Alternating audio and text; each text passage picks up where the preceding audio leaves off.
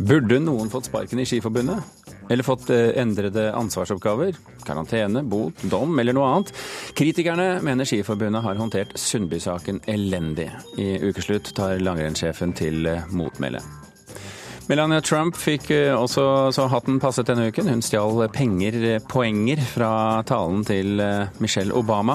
Hun ble latterliggjort over en hel verden og la skylden på taleskriveren. Men eh, hva skal egentlig til for å være en god taleskriver?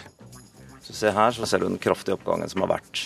Vi visste ikke at det kunne bli en så stor suksess. Det var over all forventning. Akkurat på Nintendo så har vi tjent 120 millioner. Når en hel verden jakter på små digitale monstre i mobilspillet Pokémon Go, så kan aksjonærene gni seg i hendene. Vi tar jakten på storkapitalen bak spillsuksessen. Vi skal også innom eh, München, der det pågår en pressekonferanse nå. Den er ikke ferdig ennå, så vi kommer tilbake til det eh, litt senere. Hemmelighold en pressekonferanse Nord-Korea verdig, og ledere som ikke tar ansvar. Skiforbundet har fått en del kritikk etter at det ble kjent at Martin Jonsrud Sundby hadde brutt en bestemmelse i det internasjonale dopingreglementet, mistet seieren i Tour de Ski, fratatt pengepremier og stengt ute fra konkurranser i to måneder. En av kritikerne er Karina Alice eh, Bredesen i, i Nettavisen. Velkommen til ukeslutt. Takk for det. Hva syns du om Skiforbundets eh, pressekonferanse på torsdag? Nei, den var jo veldig profesjonell og veldig regissert. Eh, hadde en veldig klar eh, de hadde en veldig klar agenda på at eh, de ville at de som hørte på, skulle sitte igjen med den oppfatninga som de ønska at vi skulle sitte igjen med. Hva forteller det deg om Skiforbundet? At de er som alle andre, som har lyst til å beskytte seg sjøl og sine interesser. Det er ikke vanskelig å, å, forstå det. Men vi har jo en liksom nasjonalromantisk syn da, på ski og Skiforbundet her i landet. Så det fikk kanskje et lite brudd med, med hva folks oppfatning er, med tanke på at uh, de var arrogante og la seg ikke flate på noen måte på det de la fram. Ja, Hva burde de gjort, da? Eh, for det første så burde de jo sagt noe til eh, konkurrentene, det norske folk, om at dette her skal aldri skje igjen. Vi skal være åpne framover. Vi skal sørge for at det ikke skal være noen tvil om at norske utøvere skal holde seg på riktig side av regelverket. Vi beklager for at den dommen her har kommet, og vi skal gjøre alt vi kan for å rette opp tilliten til folk igjen. Det mangla totalt. Vidar Løfshus, eh, langrennssjef i Skiforbundet. Er du med oss her nå? Nå er jeg med, vet du. Nå er du med. Velkommen til ukeslutt til deg også. Altså, Overhodet ingen selvkritikk å spore, hevder Bredesen i, i sin artikkel. Hvorfor sitter hun med det inntrykket, tror du? Ja, som sagt så handla det her om at Martin hadde tatt uh, lovlige og nødvendige medikamenter. Og eh, vi tok jo kritikken på alvor i forbindelse med at vi tok det hele og det fulle ansvaret. Og i forhold til det å si om, uh, om pressekonferansen, så har jeg jo bare å si at i en så omfattende juridisk og medisinsk sak, så var det jo viktig for oss at vi var kjempegodt forberedt. Det er jo på en måte det idretten handler om. oss, og Det handler om å være veldig, veldig godt forberedt. og, og og nå de måla som man har satt seg. Men det er mange som har stilt spørsmål ved nettopp det du sier nå, at dere tok ansvar. For det, det, synes ikke som om noen har tatt ansvar i den forstand at man er omplassert eller har sluttet eller, eller fått en smekk på fingrene. Nå er det jo sånn at uh, Den ansvarlige legen har jo valgt å slutte i, i Skiforbundet. og Han, uh, han sa jo det sjøl at uh, det her har jo prega han hver dag i 18 måneder. og Det her er jo en av de grunnene til at vedkommende har valgt å slutte som lege i Skiforbundet. Så det handler vel om å ta ansvar, tror jeg. Dette er jo en sak hvor Sundby har blitt dømt for et regelbrudd, og det er litt komplisert medisinsk. Vi trenger kanskje ikke gå så veldig nøye inn på akkurat det. Men, eh, men poenget til kritikerne har jo vært at det er uten at tilsynelatende eh, noen får Eller at det får noen konsekvenser. Forstår du at det kan se rart ut fra utsiden? Ja, men eh, jeg tror det, det, er, jo, det er jo viktig her å forstå. Det er det som er problemet med hele saken. det er jo å se forskjellen mellom en, en eh, dopingdom forbudte stoffer, og, og, hvor det på en måte går en direkte suspensasjon og man blir og saken skal være åpen fra dag én, i motsetning til her når det ikke handler om, eh, om eh, forbudte stoffer. Det handler om feil medisinbruk, og det handler om at man har Det har jo vært oppretta en sak på tolking av, av, utydelige regler, der vi fikk medhold i FIS. Og FIS da har gjennom sin prosedyre pålagt oss at vi skal holde saken bort fra offentligheten. Bredesen, er du litt streng når du indikerer at Skiforbundet kunne reagert med at noen skulle fratre sin stilling eller få endrede ansvarsoppgaver, karantene, bot om eller noe annet? Det, det, det er, kanskje ikke den, den um, mest alvorlige dopingsaken vi har vært borti? Nei, altså Jeg er enig i Løftes at det er grader av alvorlighet når det gjelder eh, de straffene. Men det ser man også på straffeutmålinga, som er to måneder, ikke to år, som mange andre dopingdømte får. Men uh, forskjellen her er jo det at uh, Skiforbundet sier vi tar ansvaret, vi tar skylda, men de, eh, har jo satt Sundby i en umulig posisjon. Altså, jeg forstår de eh, leserne våre som mener at de har ofra Sundby. Fordi han sitter der, han er plikta til å høre på medisinske eh, anvisninger. Eh, det er ekstremt komplisert, som eh, vi alle har skjønt. men det er likevel han som er den som kommer til å bli dømt hvis noe går gærent. Og Norges Skiforbund, som er den mest profesjonelle, det beste med masse penger, masse ressurser i hele langrennssirkuset. De burde ikke tatt den sjansen på vegne av en utøver. De burde ha dobbeltsjekka det på forhånd, at den idet de valgte å øke dosen, hvorfor tok ikke de den runden på forhånd? De har prosedert i etterkant, og som jeg har lest ut fra dommen også, så har verken Sundby eller noen fra det medisinske teamet i Skiforbundet tatt kontakt med WADA eh, eller KAS eller de eh, instansene og sjekka om de har tolka det på riktig måte. De har støtta seg til en studie, men likevel, de har, som jeg forstår det, oppfatta at det har vært en tolkning. Og det syns jeg har vært en unødvendig høy risiko å ta, og som igjen viser til den arrogansen som jeg mener at eh, de eh, burde legge fra seg. Har dere levd litt i gråsonen her og, og, og, gjort noe galt, Løfshus? Nei, på ingen måte. Og hadde jo vi vært det minste i tvil om uh, bruken av, uh, av, uh, av, Ventolin, så hadde jo vi selvsagt sjekka med Antidoping Norge, WADA eller de rette instansene. Men her var det aldri snakk om noe tvil. Her var det snakk om en praksis som har vært etablert over mange år. En praksis som også brukes i, i, i andre land. Og, og, da bruker vi den praksis som jeg sier. Hadde vi vært i det minste i tvil, så hadde vi selvsagt eh, sjekka med Antidoping Norge. og Det som òg er litt paradoksalt i den saken, her er jo at eh, som, som, et resultat av den saken her, når den, å, når den ble kjent bl.a. Antidoping Norge, så gikk jo Antidoping Norge inn og presiserte at man bør søke medisinsk fritak hvis man skal ha, bruke eh, astmamedisin, Ventolin, på forstøver. Men fortsatt står det bare 'bør' på Antidoping Norge sine sider, så står heller ikke 'skal'. så ja, Det er en veldig veldig vanskelig sak. Det er en veldig vanskelig sak å forklare. Det er en veldig vanskelig sak for, eh, for nordmenn å forstå. Og det er veldig veldig vanskelig for folk i, i andre nasjoner hvert fall, som får bare bruddstykker av saken. og Da skjønner vi at det, det hefter tvil og det hefter mistenksomhet ved saken. Men Hvor alvorlig er denne saken for Ski-Norges eh, omdømme, Løfshus? Det er klart, Martin har jo sagt det sjøl.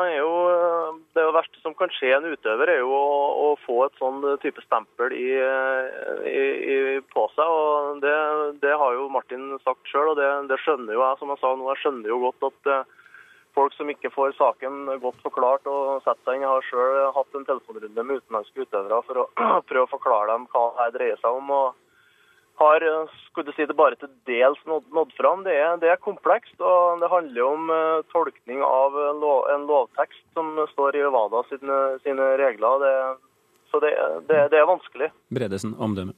Eh, jeg mener det at eh, idrettsledere rundt om i verden nå, de har, det, de har, en stor jobb å gjøre med å gjenskape tillit til folk og blant konkurrentene, og det samme har Norge nå. Hvis ikke de skjønner at det her skaper spørsmål, og at de har mista troverdighet etter den saken her, og fortsetter å ha den holdninga om at de andre forstår ikke dette, vi skal prøve å forklare det, men de hører ikke på oss, det, den holdninga kommer ikke til å gi noe tillit.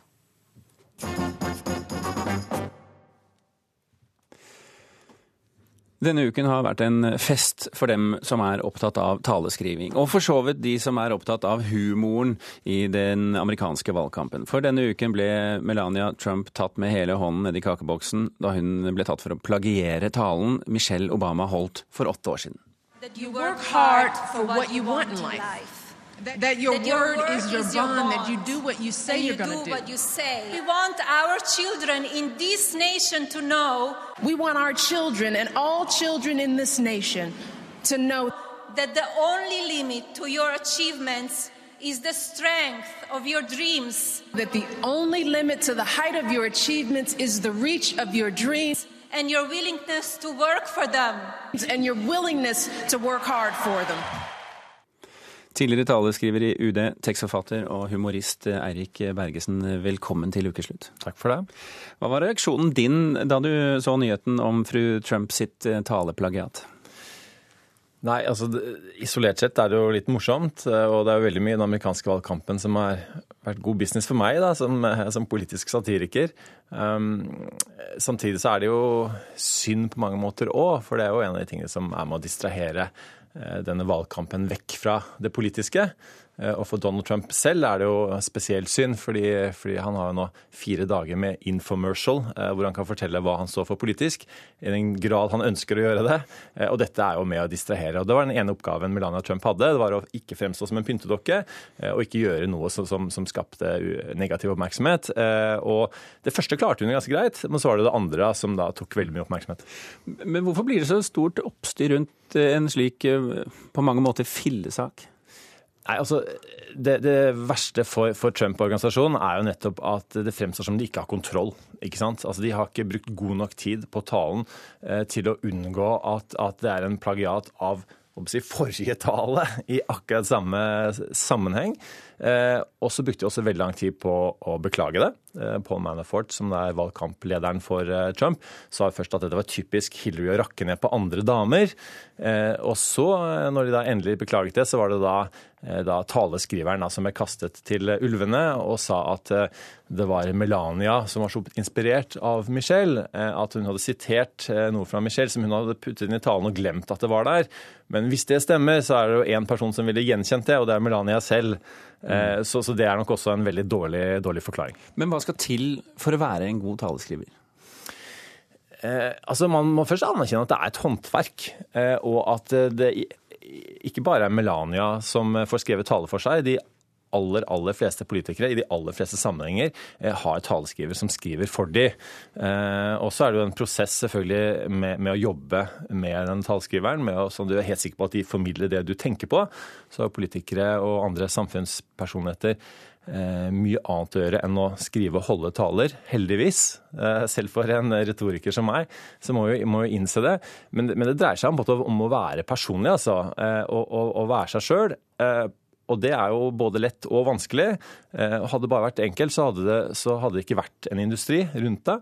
Eh, men det, det gjelder altså å bruke metodikk da, som du fremstår eh, som personlig, og at du, du, snakker til og ikke minst engasjerer et publikum. Og så får du de gjerne til å handle også som du vil, da, og, og i dette tilfellet å få stemme på kandidaten din. Da.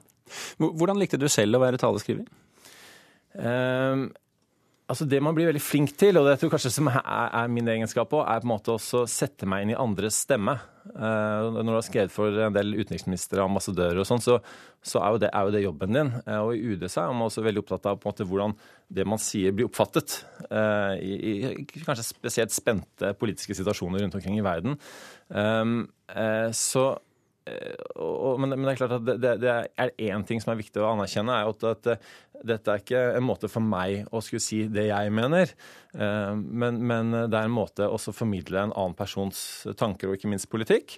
Eh, men så må, må jeg også investere noen personer i det for at det skal, skal fungere. og Sånn sett blir man gjerne en, et team eh, når man skriver. Og de, de beste talene, sånn som Obama og John Favreau, den unge Mozarten av, av retorikken, som, som, skrev med han i mange år, ble jo til ved, ved den duoen. ikke sant? 22. juli eh, var, eh, markerte vi jo i går.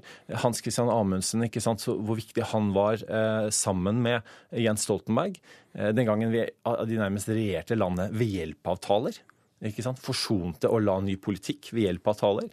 Um, det, det har, jo, har veldig mye å si. og Ted Sorensen er jo en av men, men, men, Lager man ny politikk ved å skrive taler? Man kan det. Man kan det. Og, og det er klart at Eh, altså, mer åpenhet, eh, mer demokrati, mer humanitet, men ikke naivitet, er jo noe vi husker. Eh, det er noe som man fortsatt strever med å konkretisere. og strever med å oppnå. Men på mange måter har jo det dannet politikk for, måten vi forholder oss til, til terror eh, i, i, Norge. Eh, I USA så husker man kanskje aller best ved ingenting å frykte, bortsett fra frykten selv. I disse dager er det lett å glemme både i USA, hvor du har en kandidat som som da driver valgkamp på, på bakgrunn av frykt. Men, men, hva med deg selv, har du vært med på å skape politikk? Du, eh, eh, Som ung diplomat så, så, så satt jeg i, i, sekretariatet til eh, daværende utenriksminister Jan Petersen. og Det var en spesiell opplevelse. for Hver gang jeg dyttet inn adjektiver i talene, så strøk han ut og så skrev han retorikk i margen, som om det var noe negativt. Men vi satt jo da i en situasjon hvor vi lurte på om Norge skulle gå inn i Irak. Og da, da, ble jeg satt foran et tastatur mens andre dikterte for meg. Og klart at det å skulle formulere de ordene der, eh, det, det, er med å gi makt. Og det, det ga selvfølgelig en, en, følelse av å være med på noe politisk spennende. Og den formuleringen vi endte opp med der, som gikk på at vi ikke ble med eh, til Irak, for vi fant ikke folkerettslig mandat, men vi utelukker ikke at ikke andre kunne finne det. Eh, folkeretten er vi, eh, og dermed ble vi ikke uvenner med våre allierte heller det har jo blitt, blitt, stående igjen og vært, vært, noe som har vært veldig viktig da, eh, for Norges forhold til, til, til, Midtøsten, til USA, i mange år etterpå. Og, og det, det satt veldig perspektiver for meg da, å være med på det den gangen. Eirik Bergesen, takk for at du var med i Ukeslutt. Kan man sende mindreårige asylsøkere tilbake til Afghanistan? Vel, Utlendingsdirektoratet har i hvert fall kommet frem til at eh, landet er såpass trygt at forholdene i hvert fall ikke er til hinder for å sende dem tilbake. Og det sier de til tross for at FN beskriver sikkerhetssituasjonen i Afghanistan som verre enn på lenge. Så derfor frykter organisasjoner, fagfolk og tidligere asylsøkere her hjemme at UDIs vurdering vil bli brukt som argument for å sende flere enslige mindreårige asylsøkere hjem den frykten du har, lar deg ikke gjøre det du vil. Den frykten for å bli sendt tilbake? Ja. Det er jo det du tenker på hele tiden.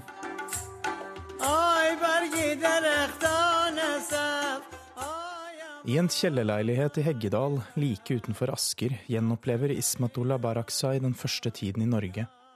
Da alt var uvisst, og han vandret alene gjennom Oslos gater uten mål eller retning. Eh, etter hvert ble jeg sendt eh, på mottak det, var, det har vært tøft, fordi man visste ikke hva som skjer. Om man får bli værende her eller ikke. Da, da lever man i usikkerhet. Det eneste du tenker på, er å overleve. Ismatullah fyller to kopper med te mens han plukker frem flere minner. Året er 2010, og den 17 år gamle gutten blir hvileløst flyttet fra det ene mottaket etter det andre. Han er helt alene, og livredd for å bli sendt tilbake til Afghanistan hjemlandet han nettopp har flyktet fra etter at sikkerhetssituasjonen i hjemprovinsen Herat ble så ille at han fryktet for livet. Der jeg kom fra, så mm, var det helt uh, forferdelig. Og der fortsatt det. Det blir drept uh, mennesker hver dag. Jeg kan vise det. Ismatullah strekker seg plutselig etter telefonen og logger seg inn på Facebook. Jeg spilte fotball med han i nærområdet. Altså helt uskyldig. Han peker på flere bilder som viser barndomsvennens døde kropp. Mine barndomsvenner, de jeg kjente, de blir drept stadig flere og flere. Det er, det er skikkelig trist. Og samtidig å se at vi som er her i Norge, sier at Afghanistan er et trygt land å eh, returnere til. Det er jo ikke det. Kanskje vi kan sende noen fra UDI til Afghanistan, og at de skal oppleve hvordan det er, om det er trygt eller ei. Takk. Det dette innebærer, er at i motsetning til tidligere, hvor vi sa at ett område var helt utrygt, mens et annet var trygt, den svart-hvitt-vurderingen, den er borte. På Utlendingsdirektoratets kontorer i Hausmanns gate forsøker asylavdelingens direktør Hanne Gjendal å forklare hvordan UDIs nye gjennomgang av sikkerhetssituasjonen i Afghanistan vil slå ut i praksis. I motsetning til tidligere sier UDI nå at ingen provinser i Afghanistan er så utrygge at sikkerhetssituasjonen i seg selv tilsier at ingen kan returneres dit. Denne litt mer finmaskede vurderingen som vi nå gjør, gjør det også lettere for utlendingsmyndighetene å avdekke om den enkelte asylsøker har et beskyttelsesbehov eller ikke. Hvem er det dette kommer til å ramme hardest? Eh, dette kan innebære at færre enslige mindreårige asylsøkere fra Afghanistan får beskyttelse i Norge. Jeg syns det er feil å sende så mange tilbake som man ønsker å gjøre nå. På telefon fra Kabul stusser landdirektør i Afghanistan-komiteen Terje Watterdal over UDIs gjennomgang av sikkerheten i landet. Det virker jo litt spesielt når man da for to-tre år siden mente at en del områder var for farlig å bli returnert til. Og når da situasjonen har forverret seg, og at det plutselig er trygt å returnere til de samme områdene, så er det klart at man da kan lure på om det er helt objektive vurderinger som ligger bak. I løpet av de siste månedene har Watterdal truffet flere asylsøkere i Kabul som har fått avslag på søknaden sin i Norge og returnert til Afghanistan. Mange av dem er unge mennesker som har hatt midlertidig opphold i Norge som enslige mindreårige asylsøkere, men som er blitt sendt tilbake etter at de har passert 18 år. De som kommer tilbake, kommer jo med veldig lite midler, og noe som gjør at de må flytte inn i noen av de mer utsatte områdene i denne byen eller andre steder av landet. De aller fleste av de jeg har truffet, er deprimerte og uh, dypt traumatiserte. Vi vil alltid legge en individuell vurdering til grunn for våre uh, avgjørelser. Og er det behov for beskyttelse, så vil det bli gitt beskyttelse. Til tross for Gjendals garantier er Watterdal skeptisk til hvordan afghanske mindreårige blir behandlet av norske utlendingsmyndigheter. Norske myndigheter bør sørge for at hvis de sendes tilbake, at de i hvert fall kommer tilbake med en utdannelse som gir de muligheten til å få en eller annen slags jobb. Man kan ikke ta et ungt menneske ut midt i et utdanningsløp, når, når da dette unge mennesket har vært i Norge kanskje fire, fem, seks, syv år, det er ikke en måte å gjøre det på. دختری هفت ساله که از مناطق ما بود سر برید مادری که چی شد سر برید چرا Gråten kommer gradvis. Det gjør vondt å snakke om hva han reiste fra i Afghanistan.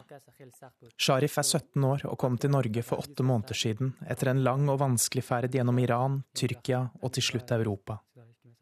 Nå sitter han på Hvalstad transittmottak i Asker for enslige mindreårige, og forteller om hvordan uskyldige mennesker blir drept i hjemregionen Ghazni. Jeg er fra Afghanistan. Jeg er i Norge eh, åtte måneder. Saman er litt yngre enn Sharif, 15 år. Han vil ikke snakke om det som skjer i hjemlandet, men håper at han får bli i Norge, slik at han kan ta en utdanning og spille fotball. Etter åtte måneder har verken Sharif eller Saman vært på asylintervju, og lever inntil videre med en ubehagelig usikkerhet hengende over seg.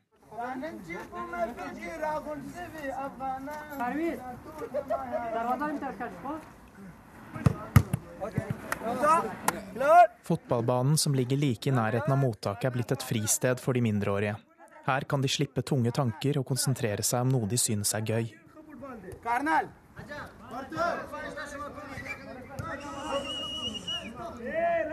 Flere av guttene her risikerer å bli tildelt det som kalles begrenset oppholdstillatelse. Noe som i praksis kan innebære at mange av dem blir sendt tilbake til Afghanistan etter fylte 18 år. De som havner i denne kategorien, blir ikke bosatt i kommuner, og med UDIs revurdering av sikkerhetssituasjonen i Afghanistan er det større sjanser for at de blir returnert. Praksisen har eksistert i lang tid, men det er med dagens regjering at den er blitt tatt i bruk hyppigere. Den regjeringa vi har nå, den fører en svært barnefiendtlig politikk. Ine Therese Johannessen i Vergeforeningen er så opprørt at hun må ta en pause og hente seg inn. Sammen med andre verger jobber hun for å ivareta sikkerheten til enslige mindreårige asylsøkere. Vi ser at myndighetene langt på vei har lykkes i å innføre innstramninger eh, for enslige mindreårige. Jeg tenker at det er innført en stor grad av midlertidighet nå for veldig mange mindreårige i Norge. Per juni har 85 enslige mindreårige asylsøkere fått begrenset oppholdstillatelse. Av dem er 78 afghanere. I fjor fikk 43 tilsvarende tillatelse. UDI sier at økningen skyldes det høye antallet asylsøkere som kom i fjor. Da er det sånn at UDI da mener at disse barna da ikke har krav på beskyttelse. At den eneste grunnen til at de ikke kan eh, få avslag, er at de mangler um, omsorgspersoner. Og når da UDI har gått ut og erklært mange av områdene i Afghanistan for trygge, altså de vurderer at det ikke er fare for dette spesielle barnet i den provinsen de kommer fra, så er det klart at da er det Eh, også mye lettere å innvilge en sånn tillatelse. For å få utsettelse på en begrenset oppholdstillatelse må de mindreårige kunne fremskaffe afghansk ID-kort, et såkalt taskera, for å få utstedt pass av den afghanske ambassaden. Å få tak i et slikt ID-kort er ifølge Vergeforeningen veldig vanskelig. Vi har eh, sett eksempler på at det, er, eh, det kan være så godt som umulig. Og disse barna blir jo selvfølgelig syke Eh, for de så er det som å vente på eh, en, en dødsdom, da. Statssekretær for Frp, Justis- og beredskapsdepartementet Vidar Brein-Karlsen forklarer økningen i antall begrensede tillatelser slik. I fjor kom det forholdsvis mange enslige mindreårige asylsøkere fra Afghanistan. Over 3500 av de 5000, som er veldig mange, var fra Afghanistan.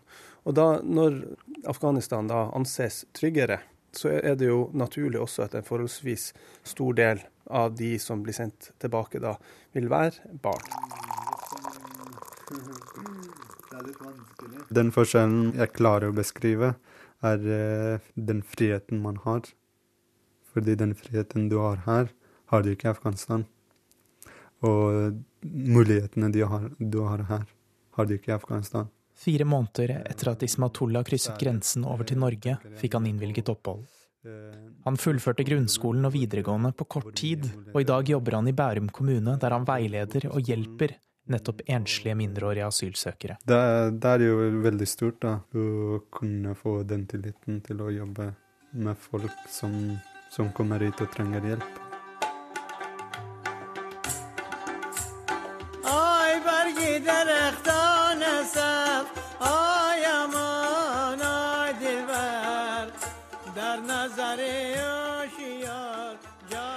UDI sier de vil undersøke hvorvidt den afghanske ambassadens krav til dokumentasjonen gjør det umulig for afghanske asylsøkere å skaffe seg pass. Reporter her, det var eh, Fredrik Låke. Vi skal til eh, München, til Tyskland, eh, der politiet akkurat har holdt en pressekonferanse om skytetragedien i går kveld. Ni personer ble altså drept og 27 såret i angrepet på, i, som var i et eh, handleområde i byen. Politiet sier de nå er sikre på at bare én gjerningsperson er ansvarlig for tragedien. Han er også død. Og korrespondent i Berlin, Guri Nordstrøm, hva vet vi om hvem gjerningspersonen var? Han var en 18 år gammel tysk-iraner som er født og oppvokst i München. Eh, han skal ha bodd eh, sammen med foreldrene sine i en leilighet der. og Denne leiligheten har da eh, tidligere i dag blitt gjennomsøkt av politiet. Der har de funnet at det ikke er noen grunnlag for å knytte at han har noen tilknytning til terrororganisasjonen IS. De går heller ut ifra at dette handler om en gal manns verk. De fortalte på pressekonferansen nettopp at han skal ha vært depressiv, at han skal ha fått psykiatrisk behandling, men at det ikke var funnet noen avskjedsbrev. De fortalte også at han har vært veldig opptatt av skoleskytinger. De har funnet litteratur og avisartikler som underbygger nettopp det. Det de kaller altså såkalt amokk-litteratur. Har det kommet noe ytterligere om motivet for ugjerningen, bortsett fra denne fascinasjonen for skoleskytinger? Nei, som sagt så sier politiet at de går ut ifra at dette her handler om en svært psykisk syk person. Så ble politiet nå også under pressekonferansen spurt om om gjerningsmannen hadde noe tilknytning til til Breivik, siden da skytingen i går skjedde på femårsdagen for dette angrepet. Da var svaret fra politiet at de ikke kan utelukke at det har vært en inspirasjon der, men at de fortsatt undersøker bakgrunnen til denne 18-åringen. Vi vet at det, av de døde så er en på 45 år. Resten, altså de åtte andre, de er under 21 år. Hva, hva forteller det? Skytingen skjedde jo på McDonald's en fredag kveld, så det er naturlig at det var en del unge mennesker samlet nettopp der. Politiet undersøker også et spor hvor det påstås at gjerningsmannen hadde hacket en Facebook-konto til en jente og invitert folk til denne McDonald's-restauranten i går. Det er altså et spor som nå undersøkes, hvor han da i hennes navn hadde skrevet at hvis dere kommer dit, så skal dere få noe. Det vil ikke være så veldig dyrt. Korrespondent i Berlin, Guri Nordstrøm, vi hører mer fra deg utover dagen ettersom denne saken vikler seg ut.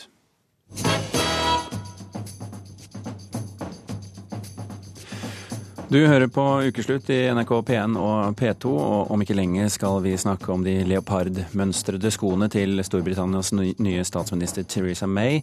Men kan vi gjøre det uten å fornærme kvinner? Er det egentlig noe bedre å påpeke hvor pene Justin Trudeau og Jens Stoltenberg er, og blir kvinner i så fall like provosert av det? Vi tar debatten. Folk som i disse dager løper rundt for å fange og samle på Pokémons i mobilspillet Pokémon Go, har blitt et vanlig syn verden over. Men om du tror dette er noe nytt å strene rundt med et kart og samle på ting, så tror du feil. Det finnes nemlig andre og mer gammeldagse konsepter som har likhetstrekk med Pokémon-spillet. Jeg tenker at Enten så blir det elg og grevling og sånt, eller så blir det en sånn Pokémon-figur. Det er litt morsomt da, hvis vi fant eh, et av de tingene. Jeg har sett elg oppi her tidligere, så jeg vet ikke om Pokémon har elg. Nei, Det er dårlig med det, tror jeg. Ja, ok, men da får vi se. Vi, vi, med å gå litt Vi står på en liten parkeringsplass tett oppunder et grønt skogholt ved Fossum i Bærum. 59 år gamle Reidar Kjær peker på kartene med kompasset sitt, som med rike detaljer viser ruta over hvor vi skal gå. I disse skogtraktene har Reidar jaktet orienteringsposter siden 1968. Men i dag så skal vi i tillegg jakte på noe helt annet. Vi skal nemlig jakte på Pokémons med mobilspillet Pokémon Go. Og det viser seg raskt at spillet byr på utfordringer utfordringer for bruk i skog og mark. Dette minner om det dårligste GPS-kartet som fins på nettet. da, sånn Oslo liksom sånn, Som er helt fint for gater, men når du skal ut i terrenget, så er det ingenting. Dette er jo som å se på gammel, skrapete 78-plate kontra stereomusikk. Kartene i Pokémon GO tilhører 1800-tallet. sånn sett. Men det er klart, hvis vi står her nå og ser at det kommer opp en sånn figur rundt det, så skal vi nok klare å finne den. Vi følger det gode, gamle papirkartet innover i terrenget på jakt etter orienteringsposter og Pokémons. Mobilspillet Pokémon Go har bl.a. blitt hyllet for å få barn og unge ut i aktivitet. Men Reidar forteller at det å samle og lete etter ting i friluft er langt ifra noe nytt. Jeg begynte jo med å ta kjentmannsposter, og det var jo også ting vi skulle finne ute i skogen. ikke sant? Og, og, og det, jo, det, er jo gleden litt sånn jakt- og fiskeinstinktet på en måte. Man, vi er jo kanskje mer fortidsmennesker enn vi tror. At dette er noe som ligger i oss å finne noe ute i skogen. Og, og høste litt og samle litt og sånt. Så. Og at det også kommer til syne ved Pokémon GO? da? Ja.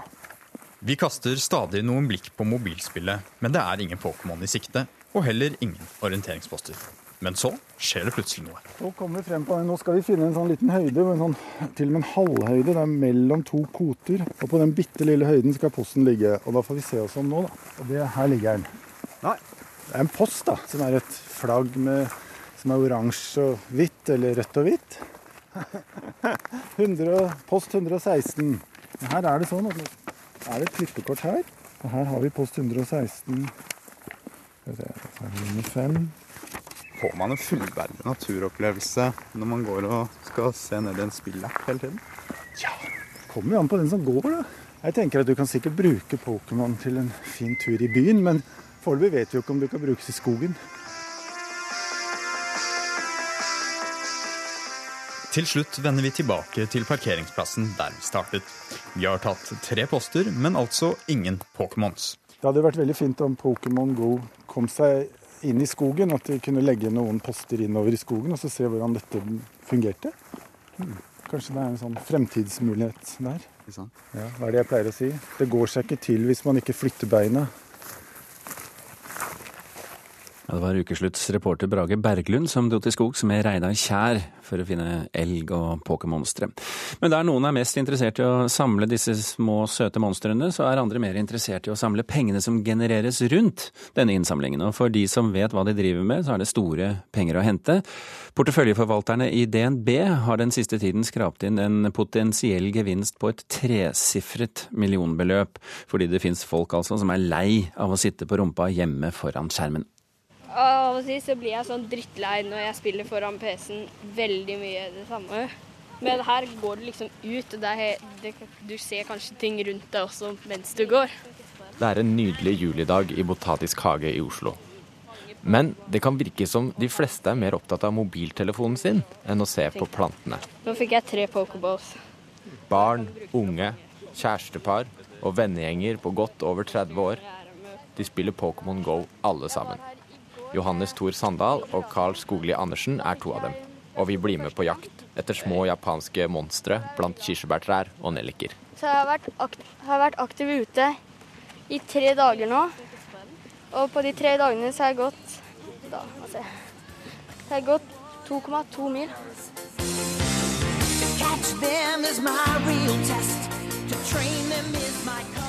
Akkurat på Nintendo så har vi tjent eh, 120 millioner. Når over 30 millioner mennesker gjør som Johannes og Carl, da får også finansverden Pokémon Go-dilla. Vi er i tolvte etasje på DNBs hovedkontor i Barcode. Fra det åpne kontorlandskapet ser vi ned på Sørenga, hvor folk flest er opptatt med å bade i sola, og sikkert spille Pokémon Go. Men de jeg treffer her, er mest opptatt av jakten på drømmeinvesteringer. Vi har en gruppechat på, på telefonen. Den har gått varm mens vi har sett på Nintendo-kursen. Så eh, vi gleder oss veldig over det. Erling Tune og Anders Tandberg Johansen er porteføljeforvaltere i DNB, og de skjøt blink ved å kjøpe Nintendo-aksjer rett før Pokémon Go ble en global hit. Så se her, så Du refererte til Nintendo-kursen. Her ser du den kraftige oppgangen som har vært. Der ser du den, ja. Ja, så du ser at det har vært veldig enighet om prisen her i forkant. Den handlet rundt 14 000-15 000 igjen. Så her lanserte man Pokémon Go, og så begynte flere og flere å bruke det, og flere og flere oppdaga at det ble en svær greie, og så stiger den bratt. Det var vel i midten av juni hvor vi begynte å kjøpe Nintendo. Og det var på basis av at kursen hadde kommet ned på nivåer som vi syntes så fornuftig ut. Vi visste de skulle lansere mobilspill basert på Pokémon, eh, Super Mario, trolig også Zelda etter hvert. Eh, og så at nedsiden i den aksjen var begrenset, men potensielt stor oppside. At det ble så bra som det ble, det, det hadde vi ingen forventning om. Nå som aksjen har gått så mye opp, mener de at det er lurt å selge og bruke pengene på andre ting. Det kommer folk til å gå rundt eh, og møtes tusenvis av folk på, i Frognerparken om tre måneder. Altså, Mørk januar. så det er jo et stort spørsmål. Dette spillet er jo gratis. Hvor kommer pengene fra? Ja, altså jeg hadde, Min sønn han øh, spilte jo dette da jeg var på ferie, så jeg har da brukt mine 100 kroner på å kjøpe pokerballer til min sønn. Så, så er, du må hele tiden kjøpe nye ting da, for å komme videre i spillet raskere. Hva, hva het den gamle filmen? Den, den, første blåsen er gratis. Deretter blir det, blir det dyrt. Der er den! Oi, en rotte. Spillforsker Jørgen Kirksæter står utenfor leiligheten sin på Torshov i Oslo og fanger sin tredje Pokémon. Han vet godt hvorfor gratisspillet er så lukrativt. Jo, mikrotransaksjoner er jo, er jo eh, den tradisjonelle måten å tjene penger på i spill, hvor du da selger digitale elementer i spillet for virkelige penger. Og Det gjør du også i Pokémon GO. I den grad du klarer å få tall ut, så ser det ut som om det er det de har tjent mest på. Men mikrotransaksjoner er ikke det eneste som gjør at Pokémon GO er verdt mange penger. McDonald's har skaffet seg en lukrativ sponsoravtale med eierne av Pokémon GO. Ja, det, det, er banalt, men briljant. Altså, McDonald's betaler da for å få sine restauranter eh, som såkalte pokestops, dvs. Si steder du må gå for å få ting du trenger i spillet, eh, inn i spillet. Og da kommer jo spillerne som en lemenflokk traskende inn på McDonald's. Du trenger ikke å kjøpe noe når du er der. Altså, du kan jo fange tingene dine og så gå ut igjen. Men når du først er der og kjenner lukta av frityr, så er det veldig lett å dytte ut noen kroner. altså. Mikrotransaksjoner og reklameavtaler er mye verdt. Men det er også informasjonen om hva vi driver med. Så De vet jo hvem jeg er, for det her er kobla opp til min Google-konto. De vet navnet mitt, og da er det veldig enkelt å finne ut hvem jeg er, hvor jeg er, hvor jeg bor. Så vet de hvor jeg går. GPS-en står jo på. Den, altså, Sporene er jo da i spillet. De vet når jeg spiller, så de har sånn noenlunde koll på når jeg har fritid. Eh, og Så ser de jo da i hvilke områder jeg leter. Og da, så kan de da gå ut ifra at de områdene liker jeg å oppholde meg. Hva er der? Er det forretninger der? Er det friluftslivsmuligheter? Er det en stor elv eller et vann ved siden av? Kanskje han liker enten svømming eller padling. For en, enten en enkeltannonsør, eller kanskje heller for et annonsørkonglomerat, noen som jobber med, med direkteannonsering, så vil jo det være en gullgruve. Hvor du beveger deg sier mye om deg, og særlig hvis man ser mønster hvor du beveger deg. Katarina Nes er fagdirektør i Datatilsynet og følger nøye med på hvordan tjenester som Pokémon brukes til å samle informasjon om oss. Vi tok henne med til et kjent landemerke som har tiltrukket seg mange Pokémon-jegere allerede klokka ti på formiddagen. Altså, Pokémon Go er, et uttrykk for en større trend som handler om eh, det å samle inn eh, personopplysninger og bygge tjenester basert på innsamlede data om folk. Nå står vi jo på Operaen. Det betyr jo ikke at eh, man er nødvendigvis er kulturinteressert når man går rundt og leter etter Pokémon på Operaen. Eh, Men det kan bety at du også er turist. De blir mer og mer verdifulle fordi eh, mye i dag handler om å personalisere tjenester. Og for å kunne lage best mulig tjenester som treffer best mulig, og som man kan tjene mest mulig penger på, så må man vite mest mulig om folk. Katarina Nes vil ikke at vi skal slutte å spille Pokémon Go, men at vi er mer bevisste på hvilken informasjon vi gir fra oss. Vi ønsker tilgang til gode tjenester, og mange av disse tjenestene er jo gode og populære og, og, og morsomme. I dag så har vi ikke så mye valg. Vi er på en måte prisgitt de vilkårene som, eh, som bransjen setter. Hva hvis noen hacker disse serverne, da? Ja, det tør jeg ikke å tenke på engang. Jeg- grøss, altså.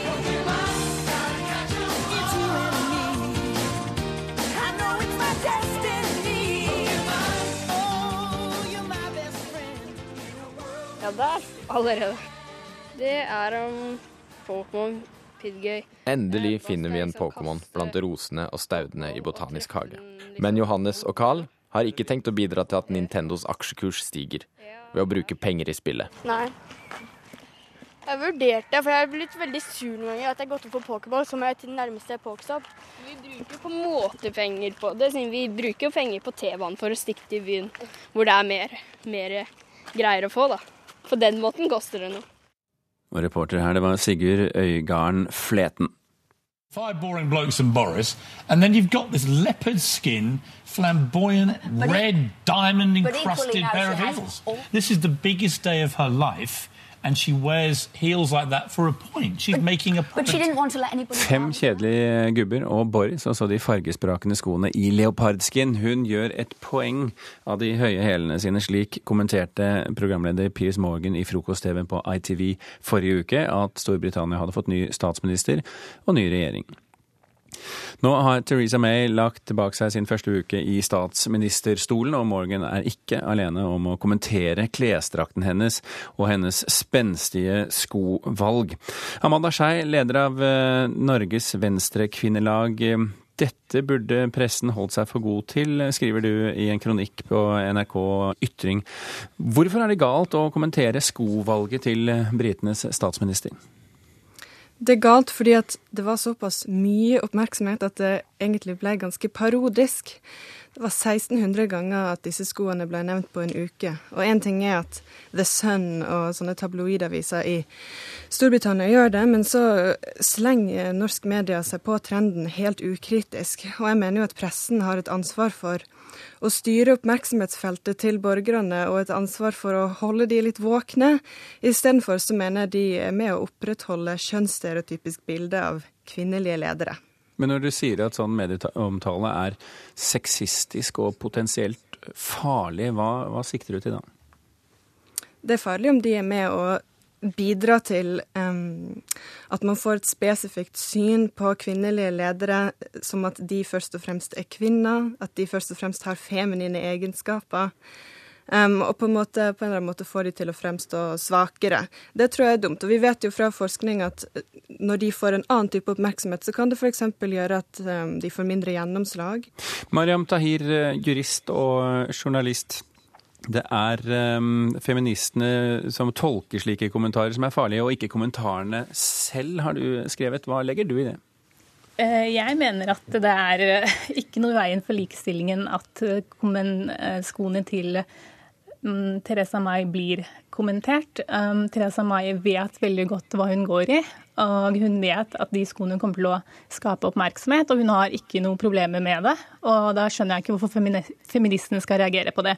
Når det er sagt, når den kanadiske statsministeren ble valgt i november, nå ikke for så lenge siden, så var alle opptatt av hvor sexy han var. Og da var det ingen av feministene som reagerte. Og Jens Stoltenberg har til stadighet blitt kalt pikenes Jens. Han har blitt sammenlignet med James Bond, og TV 2 skrev at han var så hot at han skapte global oppvarming. Er, det, er du litt skeivtolkende her, eh, Skei? Er, det, er dette noe, en kritikk som kommer bare når det gjelder kvinner? Nei, det syns jeg jo ikke. På en måte, det var jo ikke tema nå. Fordi at det skjer ti ganger mer med kvinner. Og jeg mener jo at selv om det skjer med menn, noe jeg også ikke syns er nødvendigvis så bra, så er det jo fortsatt et poeng når det skjer såpass mye oftere med kvinner. Jeg lurer egentlig på hva eh, Mariam syns om dette med at menn får en sånn oppmerksomhet. Syns du det er greit? Nei, jeg syns ikke det er greit. Fordi uh, um, han kanadiske statsministeren f.eks. Når man hele tiden fokuserer på hvor sexy han er, så undervurderer folk han. Hvis f.eks. Mai ikke liker oppmerksomheten hun får for skoene sine, så kan hun faktisk uh, ta på seg andre sko. Men uh, han, den kanadiske statsministeren han får på en måte ikke endret ansiktet sitt. For det er det han får oppmerksomhet for hele seg, liksom. For at han er så sexy. Men da er du egentlig enig i den kritikken at det ikke er det som bør være tema.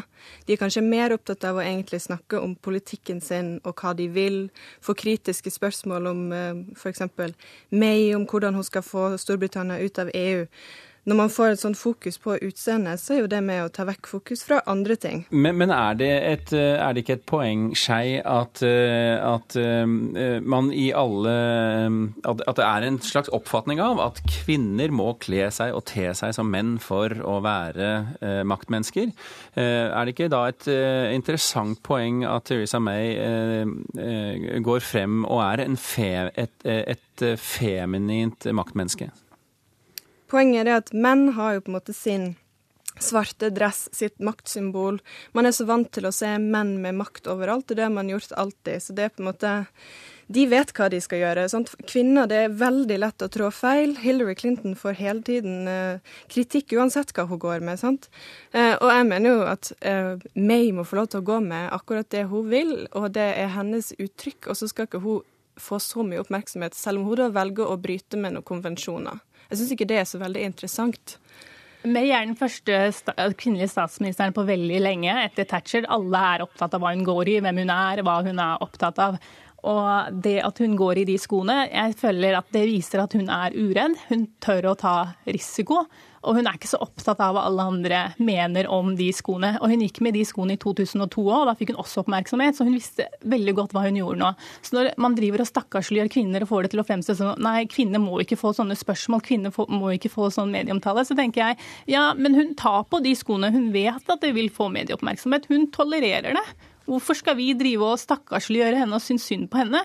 Hvis hun syns at dette her ikke er bra, så tenker jeg at da kan hun på en måte ta det opp, hun også. Jeg syns ikke at hun fremstår at dette her er noe negativt. Jeg syns det er kjempebra at For kvinner har også en drakt, de har også en uniform. Og det har kvinner gått med i mange år. Og i de siste årene så har kvinner begynt å gå i farger, de har begynt å eksperimentere litt. Selvfølgelig innebærer det risiko. Du kan jo trå feil, og det er ikke så mange som er vant til Altså du går ikke med noe kjedelig, da. Eh, du er mer personlig, altså viser mer av personligheten din. Og Kvinnene har ikke problemer med det, og da skjønner jeg ikke hvorfor vi andre skal drive og ha, lage problemer for dem. Skjei. Ærlig talt, vi vet ingenting om hvordan hun tolker dette her sjøl. Og jeg mener ikke at det at jeg ansvarliggjør media for hvordan de velger å vinkle ting, det er ikke å stakkarsliggjøre kvinner. Jeg prøver jo heller å empower de og, og vise at herlighet, de er akkurat sånn som menn. Mitt poeng er jo at de skal først og fremst være mennesker, men nå ser vi at Altså, jeg tror ikke offentligheten er vant uh, enda med kvinnelige toppledere på den måten. Eh, og da behandler man de først og fremst som kvinner, og ikke som mennesker. Og det syns jeg er et problem. Men, men Skei, klær skaper folk, heter det. Er det feil? Nei. Selvfølgelig gjør det det, men jeg mener at det er mindre viktig her. Det er ikke det som er hovedpoenget den første uken man er valgt som statsminister. Jeg tenker at de færreste av oss tør å gå i leopardsko. Altså, det er sånn, Kanskje tør vi å gjøre det på fest. Og hun, her, hun, er statsminister og går ut og gjør det offentlig. Det er dritkult. Vi bør applaudere henne. Hvorfor sitter vi og snakker om at å nei, nå får hun oppmerksomhet? Kanskje hun vil ha oppmerksomheten. Vi må liksom øh, ikke, vi, altså hun må ta ansvar for de valgene hun tar. Hun velger klær hver morgen. Hun vet hva hun gjør. Det er ikke sånn at hun har bind for øynene, bare uh, tar hånda inn i klesskapet, liksom drar opp et eller annet. Fordi Når man driver og sier sånne ting hele tiden, at Siv Jensen altså hun bare tok på seg en leppestiftkjole altså Dette her er sterke, bra damer. De vet hva de holder på med. Slutt å snakke som om de ikke vet hva de kle på seg hver morgen. Jeg sier ikke det, jeg bare skjønner ikke hvorfor det er så oppsiktsvekkende at de har på seg noe som Nei, det syns ikke ikke er jeg heller, men det, det er sånn med menn også. Obama hadde på seg en lys dress på en pressekonferanse en gang, og det er førte du- til 4000 tittelmeldinger om dressen hans. Ingen husker hva han sa i den pressekonferansen. Og etter det så har han aldri gått i lys dress. Jeg syns det er veldig tøft av damer at selv om de får negativ omtale pga. klærne sine, så fortsetter de å gå med de. Fordi jo mer du går med det, desto mer normalt blir det. Det blir ikke normalt for kvinner å gå i leopardsko hvis ingen gidder å gå i leopardsko nå, lar de ligge igjen i skapet. Skei. Altså, nå har det vært et overveldende fokus på de skoene. Altså, når VG lister opp eh, Theresa Mays syv hodepiner, og en av de er å velge sko, så er jo det litt rart. Altså, De ville ikke gjort det med en mann. Så jeg lurer litt på hvorfor det er så viktig å slå ned denne kritikken. Jeg har jo nettopp sagt at menn også får eh, samme spørsmål og omtale om utseendet sitt. Men de gjør det gjør det. Og, eh, de, ja, men selv om man ikke gjør det i like stor grad altså, Dagens unge menn opplever kroppspress, de opplever prestasjonspress. Og når man driver og bagatelliserer den medieomtalen menn får, det syns jeg er urettferdig overfor unge menn. Hva er det visst forteller disse unge mennene da? At jo, det er helt greit å eh, se på mannlige ledere som sexobjekter, men det er ikke greit når vi gjør det med kvinner. Likestillingen kommer i mange forskjellige former, eh, også i leopardmønstrede sko. Eh, Tusen hjertelig takk, Mariam Tahir og Amanda Skei, for at eh, dere var med i Ukeslutt.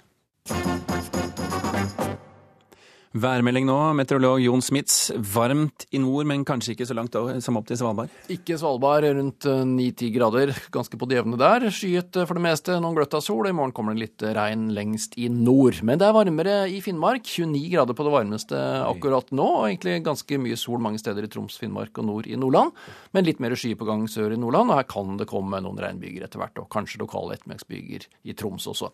Litt tåkebanker også på kysten enkelte steder. I morgen òg kan det bli lokale regnbyger, særlig i indre strøk om ettermiddagen. I Nordland og Troms kanskje noen byger også tidlig på dagen.